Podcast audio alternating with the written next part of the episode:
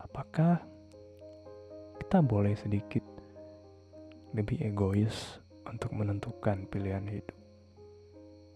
Pertanyaan ini terlontar dari seorang kawan yang sedang dalam fase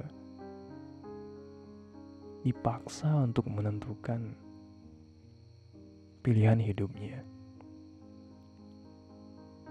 Namun sepertinya bukan pilihan yang ditawarkan, tapi sebuah jalan yang harus dia lalui.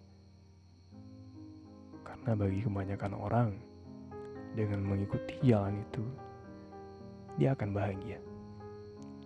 Dia akan nyaman dan nyaman melalui kehidupan. Tapi sering kali dari hal-hal seperti ini, orang-orang itu memandang bahwa dengan pilihan yang mereka ajukan, siapa yang menjalani otomatis akan bahagia. Bukankah dalam kehidupan hidup itu yang menjalani adalah seseorang yang berani menanggung segala konsekuensi atas pilihan sulit dalam hidupnya. Berbeda belum tentu salah.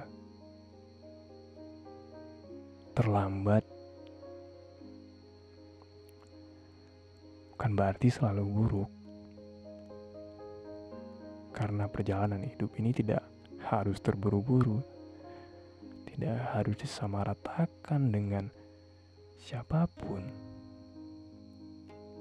tidak pernah paham bagaimana seseorang menjalani hidupnya, bagaimana dia bertarung dengan segenap luka, bagaimana dia berkorban untuk segala mimpi yang ingin diraih. Menurutku, tidak adil jika menentukan jalan hidup seseorang hanya berdasarkan hanya berdasarkan kehidupan orang lain. Pilihan itu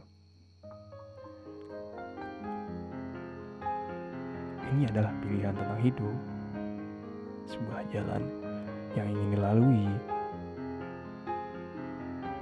Percayakan saja.